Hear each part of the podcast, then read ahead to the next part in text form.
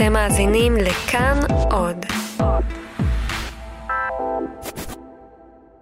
היי, אני שאול אמסטרדמסקי. אתם מאזינים לפרק נוסף בסדרה שלנו, חיות ביס, על נקודת המפגש שבין אוכל לכלכלה. אם גם אתם גדלתם בישראל בשנות ה-80 וה-90 כמוני, אתם בטוח זוכרים את שידורי הניסיון של ערוץ 2, נכון? זה התחיל ב-86 והמשיך עד 93. רצועות יומיות של תוכניות שחלקן היו, איך אני אגיד את זה בעדינות, ממש משונות. העולם הערב היא כנראה הזכורה ביותר מבין התוכניות האלה. אבל היו שם גם Nice Guy של גיא מרוז, ודודו מספר לגולו עם דודו טופז ובובה. שלום ילדים, שלום הורים, ושוב אנחנו כאן כדי לספר לכם סיפור לפני השינה. וגם תוכנית קטנה בשם יום יומן, או כפי שהיא מוכרת יותר בכינויה העממי, צ'סטר וחגית. יום יום מוכרח כבר לרוץ. יום יום לפתוח את הערוץ. יום יומן עם צ'סטר וחגית. החלק המוזר בתוכנית הזו לא היה רק התוכן, אלא גם הצורה, כלומר, הפורמט שלה. זה היה אחד הגלגולים הקדומים ביותר שאני זוכר של תוכן שיווקי בטלוויזיה. בתוכנית הזו השתתפו חגית דסברג, יהויכין פרידלנדר ויואב צפיר, ששיחק את צ'סטר צ'יטה. יום יום במשך שנתיים שלמות, כשהוא לבוש בתחפושת ענקית של צ'יטה כתומה עם נקודות שחורות, עם משקפי שמש ענקיים וסניקרס בגודל לא סביר, יואב צפיר הביא למסך את דמותו של צ'סטר. אוי, צ'סטר, פעם דווקא היית כל כך נהנה מההערצה הזאת. כן, תראי, פעם זה היה נחמד, אבל היום אני לא יכול לצאת לרחוב בלי שאיזה מאה אלף מעריצים ומעריצות יצרחו צ'סטר חתימה, צ'סטר אנחנו מתים עליך, די, נו. צ'סטר צ'יטה, הדמות שמצוירת על חטיפי הצ'יטוס ברחבי העולם ומזוהה איתה לחלוטין, הייתה דמות שילדי ישראל לא הכירו בעבר. הייתה לכך סיבה פשוטה. עד לתחילת שנות ה-90, ילדי ישראל פשוט לא ידעו מה זה צ'יטוס. הם גדלו על במבה וביסלי, החטיפים הפופולריים ביותר בישראל כנראה, והצ'יטוס, אחד החטיפים האמריקאים המוכרים ביותר בעולם, נשאר מעבר לים יחד עם עוד המון מותגים אחרים שפחדו לבוא לישראל בגלל החרם הערבי של אותן שנים. אבל אז, בשנות ה-90, הוא עשה עלייה, וגאון שיווקי שאני לא יודע מי הוא, הצליח ליצור את תוכנית הטלוויזיה היומית הזו, ולדחוף את הסמל של צ'יטוס לתוך הפרצוף של הילדים המשועממים בכל יום ויום. ופתאום, צ'יטוס נהיה דבר בישראל. יום יומן, וואו, איזו תוכנית. יפה. אבל האמת שזה החלק הכי פחות מופרך שקשור לצ'יטוס. כי הסיפור של איך הצ'יטוס נולד מלכתחילה והגיע לעולם, הוא כבר סיפור הרבה יותר מוזר. כי הצ'יטוס, חברים, הצ'יטוס נולד לפני 80 שנה בשדות הקרב של אירופה, כמו המון דברים אחרים שאתם קונים היום בסופר.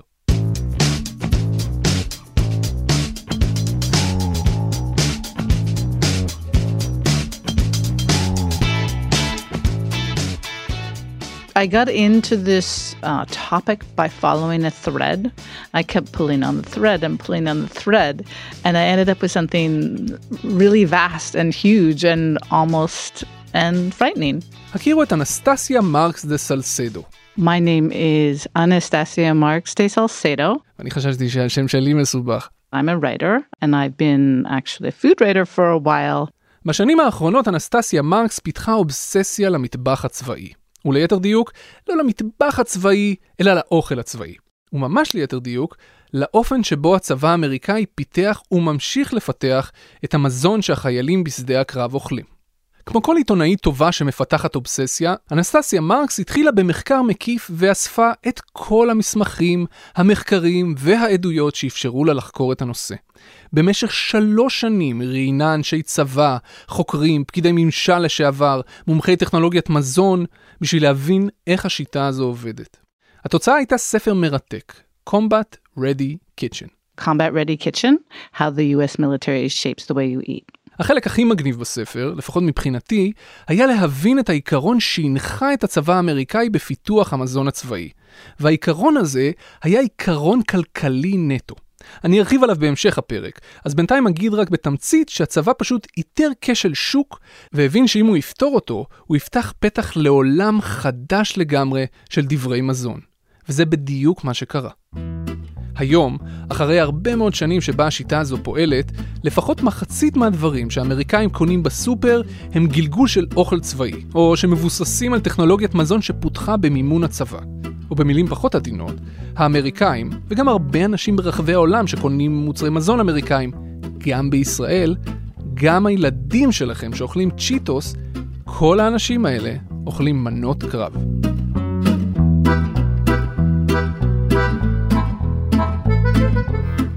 עוד בתקופת נפוליאון גנרלים הבינו שהצבא צועד על קיבתו, ושהחיילים צריכים לאכול משהו. ועוד מתקופת נפוליאון, תקופה שבה הצבאות כבר התחילו להסתובב במקומות רחוקים מאוד מהבית, החל המרוץ לפיתוח אוכל צבאי.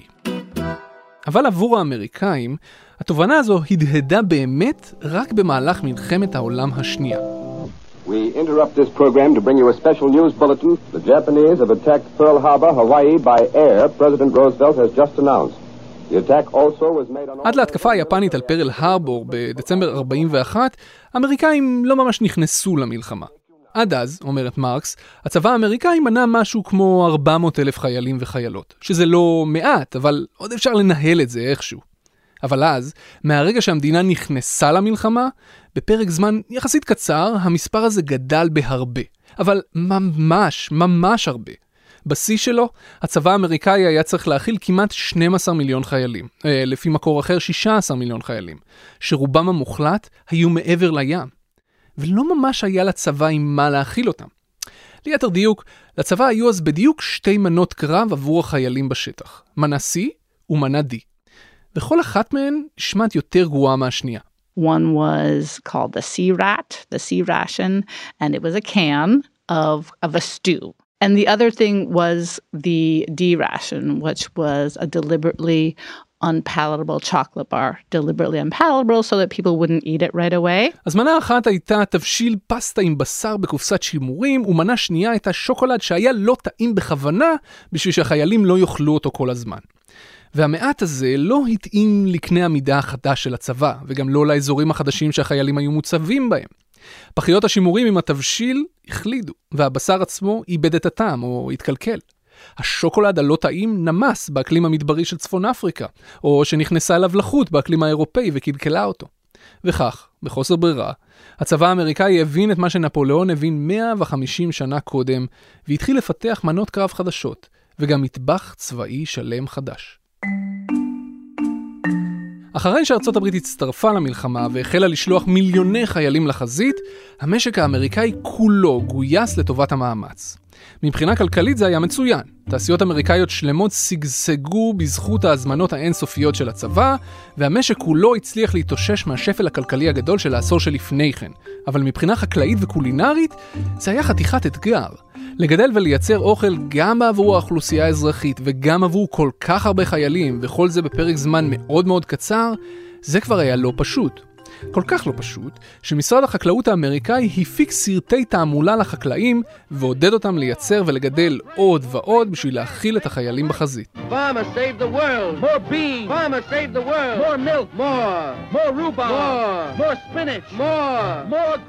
אבל אפילו זה לא הספיק. ובצעד דרסטי, הממשל החליט לתעדף את החיילים על חשבון האזרחים. המשמעות הייתה שהאוכלוסייה האזרחית נאלצה להיכנס למשטר צנע. הממשלה התחילה לחלק פנקסים עם בולים, והקציבה לאמריקאים כמה סוכר, או שמן, או חמאה, או בשר, או מוצרי מזון נוספים הם יוכלו לרכוש בכל שבוע.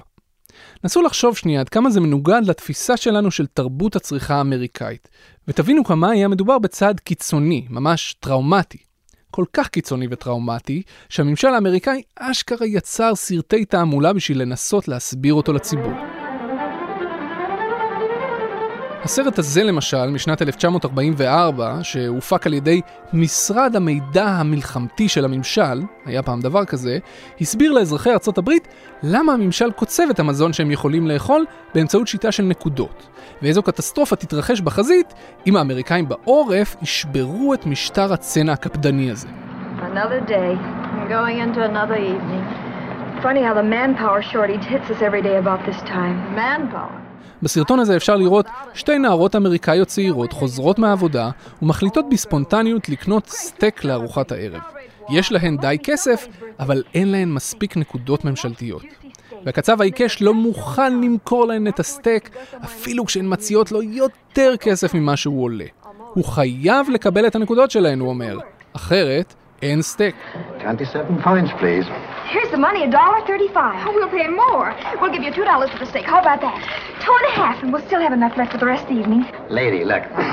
The ceiling price is 45 cents a pound, and that's all I can charge. But I've got to have 27 points. Can't you forget the red tape? כישראלים, כשאנחנו חושבים על חיילים ועל מלחמות ומבצעים צבאיים, אנחנו חושבים בממדים שלנו. המלחמות שלנו, רבות ככל שיהיו ועקובות מדם ככל שיהיו, הן מלחמות יחסית קרובות לבית. במונחים של שינוע מוצרי מזון ואספקה לחיילים בחזית, אנחנו מדברים על כמה שעות נסיעה לכל היותר. עבור האמריקאים, האתגר של להכיל את כל החיילים שלהם שמוצבים מעבר לים, הוא הרבה יותר מסובך. דמיינו שאתם רמטכ"ל צבא ארצות הברית. בכל רגע נתון יש לכם לפחות עשרות אלפי חיילים מעבר לים. חלקם נמצאים במדינות עם אקלים מדברי. חלקם נמצאים במדינות עם אקלים ממוזג. חלקם נמצאים בג'ונגלים עם אקלים טרופי. בנסיבות כאלה, אתם ממש צריכים לפתח לעצמכם מזון ייחודי. כמעט כמו לפתח מזון מיוחד לאסטרונאוטים שנמצאים בחלל. ונסו לחשוב שנייה עד כמה האתגר הזה מסובך. חישבו על הדברים הבסיסיים ביותר שאתם אוכלים, אוקיי? לחם למשל. איך אופים לחם בשדה הקרב? זה לא שאפשר לשלוח משאיות עם לחם פרוס לחזית, נכון? אבל גם משאיות מלאות בקמח אי אפשר לשלוח. ואפילו אם כן, זה לוקח לא מעט זמן לאפות לחם, וצריך תנורים גדולים והכול. איך עושים את זה? או איך מביאים ביצים לשדה הקרב? איך שומרים אותן? איך משמרים אותן? איך משנעים אותן? זה כל הזמן נשבר. או בשר, או גבינות, או מרק. כל הדברים שאנחנו אוכלים ביום-יום, הכל נהיה פי אלף יותר מסובך כשאתם חיילים בשטח. בתחילת הדרך, כשהצבא האמריקאי רק נכנס למלחמה, מערך פיתוח המזון שלו כלל מעבדה קטנה אחת עם כמה סירים שהיו מוצבים בה שלושה אנשים. וזהו. אבל אחרי שנפל האסימון שזה לא מספיק, הצבא התחיל לשפוך הרבה מאוד כסף בשביל לבנות מערך פיתוח מזון חדש. This little three person lab turned um, into 300 people. They started the war with no equipment or actually some donated pots and pans and ended up with, I think, seven to eight different specialized laboratories. וככה, מהצורך הזה ליצור אוכל שבעצם עמיד לכל איתני הטבע, עם חיי מדף נצחיים, ושגם יהיה קל משקל וזול לשינוע ברחבי העולם בכמויות גדולות, מהצורך הזה נולד האוכל הכי לא טבעי בעולם, ועידן חדש במטבח האמריקאי עמד להתחיל.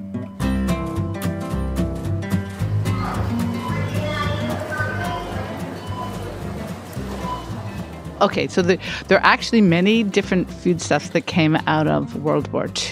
אז הנה כמה ממוצרי המזון הכי פופולריים היום בסופר האמריקאי, שבעצם מבוססים על טכנולוגיה שפותחה על ידי הצבא. מכירים את התערובות המוכנות האלה בסופר? אלה שרק מוסיפים מים וביצים ויש לכם עוגה או פנקק או לחם או אין ספור דברי מאפה אחרים? כל אלה תולדה של פיתוח צבאי.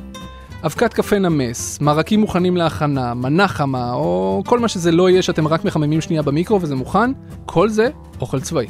סלטים מוכנים שעומדים על המדף ולא מתקלקלים, חומוס, גואקמולי, קולסלאו, מה שזה לא יהיה. כולם מבוססים על טכנולוגיה של עיבוד מזון בלחץ אטמוספרי גבוה בשביל להרוג את החיידקים ולהאריך את חיי המדף בקירור. מי פיתח? הצבא כמובן. לחם פרוס שיכול להישאר טרי לנצח. חתיכות בשר קפוא, נקניקים, פסטרמות כאלה, אפילו חטיפי אנרגיה. כולם בצורה זו או אחרת או פותחו על ידי הצבא או מבוססים על טכנולוגיה שפותחה עבור הצבא. ועכשיו מגיע החלק שאני הכי אוהב בסיפור הזה, החלק הכלכלי שלו. בשביל לפתח את כל מוצרי המזון האלה, את כל הטכנולוגיות החדשות האלה, היה צורך בהרבה מאוד כסף. לכל חברת מזון פרטית בפני עצמה לא היה תמריץ כלכלי להשקיע מיליוני דולרים ושנים של עבודה בפיתוח טכנולוגיות מזון חדשות. גם מפני שזה סיכון אדיר, כי יכול להיות שבסוף לא תצליחו לפתח כלום וכל הכסף הזה הלך לפח, וגם מפני שבסוף גם המתחרות שלהן היו יכולות להעתיק את הפיתוח החדש, והיתרון התחרותי היה הולך לאיבוד. If you think about it uh, sort of logically, private companies don't usually have an interest in doing research on some of the big questions in food in food processing. A lot of times that has to do with preservation and safety and so forth. וכאן, לכשל השוק הזה, נכנס הצבא האמריקאי ואמר, עליי. אני אשים כמויות של כסף, מיליונים של דולרים, ואתן, חברות המזון, בשיתוף פעולה עם חוקרים מהאוניברסיטאות המובילות במדינה, אתם תפתחו כל מיני טכנולוגיות מזון חדשות, שיאפשרו יצירה של פריטי מזון חדשים. ומה שתמציאו, כולכם, כל השוק, כל החברות, כל השחקנים, כולם יוכלו להשתמש בפירות הפיתוח הזה, בטכנולוגיות החדשות האלה. אין פטנטים לאף אחד. So, what the military has, in essence, done is to take on some of those really big questions in food science. And it continues to do that. It then shares the results of that research because it has no interest in, in hoarding that. And so then military products are based on it as well as consumers' products. במצב כזה, כל חברות המזון הגדולות קפצו על העגלה, כי פתאום לכולן היה תמריץ לעשות את זה. למעשה, מי מהן שלא נכנסה פנימה, לקחה על עצמה סיכון אדיר שהיא תישאר מאחור. כולן רצו נתח מהתקציב הממשלתי, וכל חברת מזון גדולה ידעה שאם היא אכן תצליח לפתח טכנולוגיה כזו, אז זה נכון שגם המתחרות שלה יוכלו ליהנות ממנה, כי הצבא פיתח את המחקר והמחקר הוא רכוש ציבורי, אבל עכשיו לאותה חברה שפיתחה, יהיה יתרון לא מבוטל על פני המתחרות שלה. היא תוכל לצבור ניסיון בייצור של המוצרים החדשים, קווי הייצור כבר בעצם יהיו מוכנים, וגם הקשר עם הצבא כבר יהיה מבוסס, ויהיה לה קל יותר להפוך בעתיד לספק של הצבא, או להציף את השוק האזרחי במוצר החדש לפני המתחרות שלה. שווה. אז זה בדיוק מה שקרה.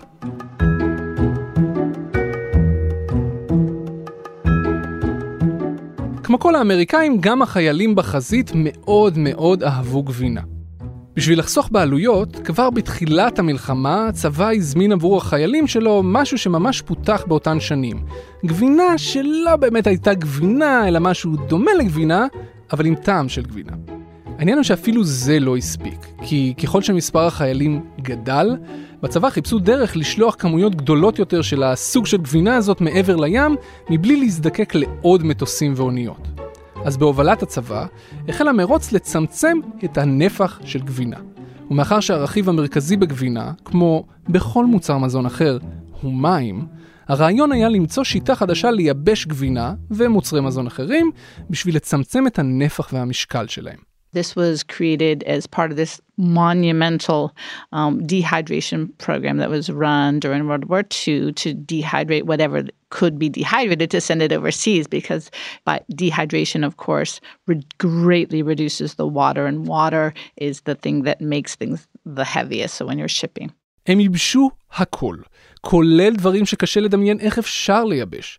ירקות, פירות, ביצים, תפוחי אדמה וגם גבינות. בסופו של דבר, אחרי הרבה מאוד ניסויים, זה עבד. Hmm, בערך. הטכנולוגיה החדשה לייבוש גבינה לא הצליחה לשמר את הגבינה במצב רגיל של גוש גבינה, אלא בצורה של פירורים בלבד. אבקת גבינה. וחיילים, יש להם איזה קטע מוזר כזה שהם מעדיפים לאכול גבינה ולא אבקת גבינה.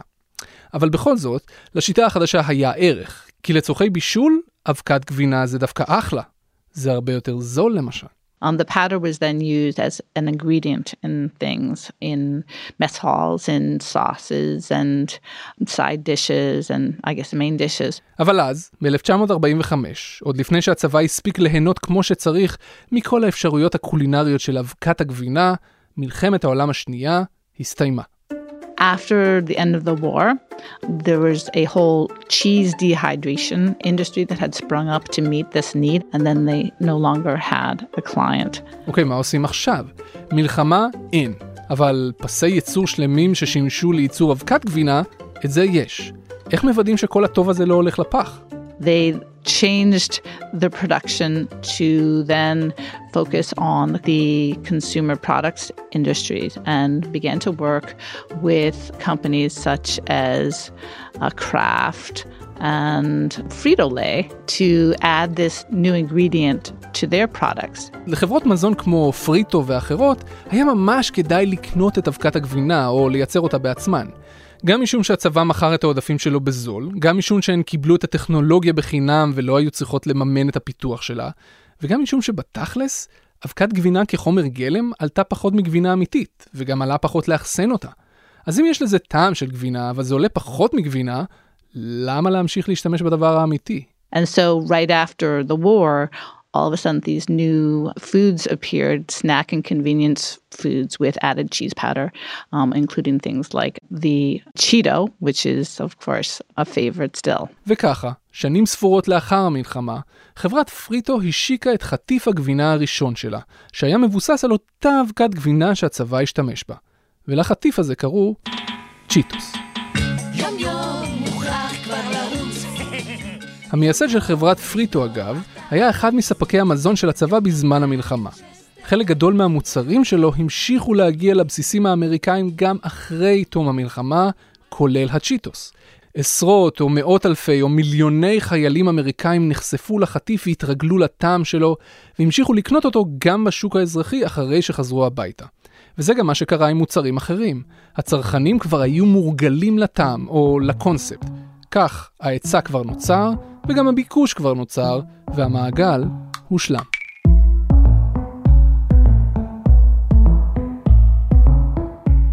כך יוצא שמה שהתחיל בתור צורך של הצבא לפתח לחיילים שלו מוצרי מזון שיחזיקו מעמד בתנאים קיצוניים, חרג בסופו של דבר הרבה מעבר לזה. אנסטסיה מרקס מעריכה שכיום בערך מחצית מהמוצרים בסופר האמריקאי מקורם בפיתוח צבאי, במישרין או בעקיפין. אבל זה לא רק זה, זה לא רק הכמות, זו גם האיכות. זה גם מה שנמצא בתוך המוצרים האלה שאנחנו קונים ואוכלים, לא רק בארצות הברית אגב, אלא בכל העולם. הרבה מאוד חומרים משמרים למשל, והרבה מאוד, הרבה מאוד מאוד סוכר ומלח, שמשמשים גם הם בתור חומרים משמרים טבעיים, כאלה שמאפשרים לחברות המזון למכור מוצרים זולים יותר עם חיי מדף ארוכים יותר, ולהגדיל את שורת הרווח בדרך על חשבון הבריאות של הצרכנים. They're able to have products that last for a long period of time and therefore they don't have, you know, the waste that goes along with spoilage. They're cheap, um, they're rugged, etc. זו בשום פנים ואופן לא הייתה הסיבה היחידה לכך שכל כך הרבה מהמזון המודרני שאפשר למצוא בסופר, בעיקר בארצות הברית, אבל לא רק, מפוצצים בכל כך הרבה סוכר ומלח. היו עוד סיבות, רובן ככולן כלכליות לגמרי. אבל הפיתוחים הטכנולוגיים של הצבא תרמו לכך שחלק גדול מהאוכל שאנחנו אוכלים היום הוא אוכל מזיק. אנחנו אוכלים בעצם מנות קרב אזרחיות. ובמלחמה זה אולי מוצדק, אבל באזרחות יש לזה מחיר בריאותי כבד. לפי אנסטסיה מרקס, אי אפשר להאשים בזה את הצבא. הצבא עשה את מה שהוא צריך לעשות, היא אומרת, וזה לפתח מוצרי מזון שיהיו עמידים ובטוחים לשימוש של החיילים שלו בכל מיני נקודות אקזוטיות על פני כדור הארץ. אבל מאחר שהשיטה בנויה כך שבסופו של דבר כל המחקר והפיתוח הצבאיים זולגים ומגיעים לשוק האזרחי, ולא במקרה אלא בכוונה, היא כן סבורה שיש צורך במנגנון מסוים של פיקוח.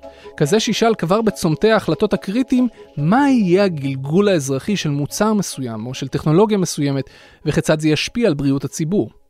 הדרך לעשות זאת, היא אומרת, היא על ידי שילוב אזרחים בוועדות שכבר היום מפקחות על תהליכי הפיתוח האלה ממילא, ועדות שהיום מורכבות רק מאנשי צבא שלא חושבים על הזווית האזרחית. I would like to see consumers on that committee or consumer representatives who could then be thinking about how a particular direction in military food research might affect the consumer down the line. אגב, פיתוח המזון הצבאי נמשך עמוק לתוך תקופת מלחמת המפרץ והמלחמה באפגניסטן ובעיראק, ולמעשה נמשך ביתר שאת גם היום. העובדה שיותר ויותר חיילים נמצאים באקלים מדברי בשנים האחרונות, פתח למשל מרוץ פיתוח חטיפי שוקולד שלא נמסים בחום, במימון הצבא כמובן. חברת המזון שתצליח לעשות את זה, תהיה מוכנה להסתער עם ליין חדש של מוצרים על שוק אדיר של צרכנים בכל רחבי המזרח התיכון. אז חוץ משוקולד שלא נמס, על מה עובדים שם עוד במעבדות המזון הצבאיות או במעבדות אחרות במימון הצבא? על טכנולוגיות חדשות ויעילות יותר לשימור מזון למשל, או על טכנולוגיה שתאפשר להוציא מהמזון את החלקים המזינים שלו, ממש ברמה המולקולרית, ולשמר אותם גם מחוץ למזון עצמו. וגם על זה.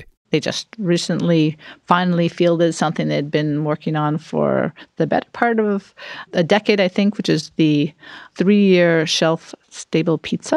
שמעתם טוב. פיצה מוכנה לאכילה עם חיי מדף של שלוש שנים בלי קירור. בתיאבון.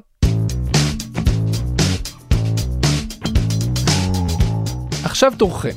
חוץ מטוסט גבנץ שהכנתם על התנור חימום בחדר שלכם בבסיס, מה היה האוכל הצבאי האהוב עליכם? האם אלה היו תירס וטונה מקופסאות שימורים מעורבבים יחד בתוך שקית? האם זה היה אלוף המטוגן? בואו לקבוצה שלנו בפייסבוק, קוראים לה חיות כיס, וספרו לנו. ואגב, אם יש לכם סיפורי מזון מעניינים נוספים, אנא תנו לנו רעיונות, אנחנו רוצים להמשיך את סדרת האוכל הקטנה שלנו, חיות ביס. כל הפרקים של הפודקאסט שלנו זמינים להאזנה בכל אפליקציית פודקאסטים שהיא, וגם באתר כאן, כאן.org.il. באתר תוכלו למצוא גם את התמליל המלא של הפרק הזה, וגם לינקים לדברים שדיברנו עליהם לאורך הפרק, כמו הספרים שהזכרנו. אנחנו ממש רוצים להגיע לעוד ועוד אנשים, אז אם אהבתם את הפרק הזה, הדבר הכי טוב שאתם יכולים לעשות ממש כרגע, הוא לשלוח אותו לחבר או לחברה, שעוד אנשים יכירו אותנו. או אם לא אהבתם, לבחור פרק אחר שכן אהבתם, ולשלוח להם מתנה אותו. זה בחינם. ערכו את הפרק הזה צליל אברהם ורום אטיק, שגם מפיק את כל הפרקים שלנו. עורך הסאונד היה אסף רפופורט. בצוות חיות כיס חברה גם דנה פרנק. הפרק הזה הוקלט באולפני PRX בקיימברידג', מסצ'וסטס, ותכלס, סתם אמרתי את זה בשביל להגיד מסצ'וסטס. אני שאול אמסטרדמסקי, תודה רבה שהאזנתם.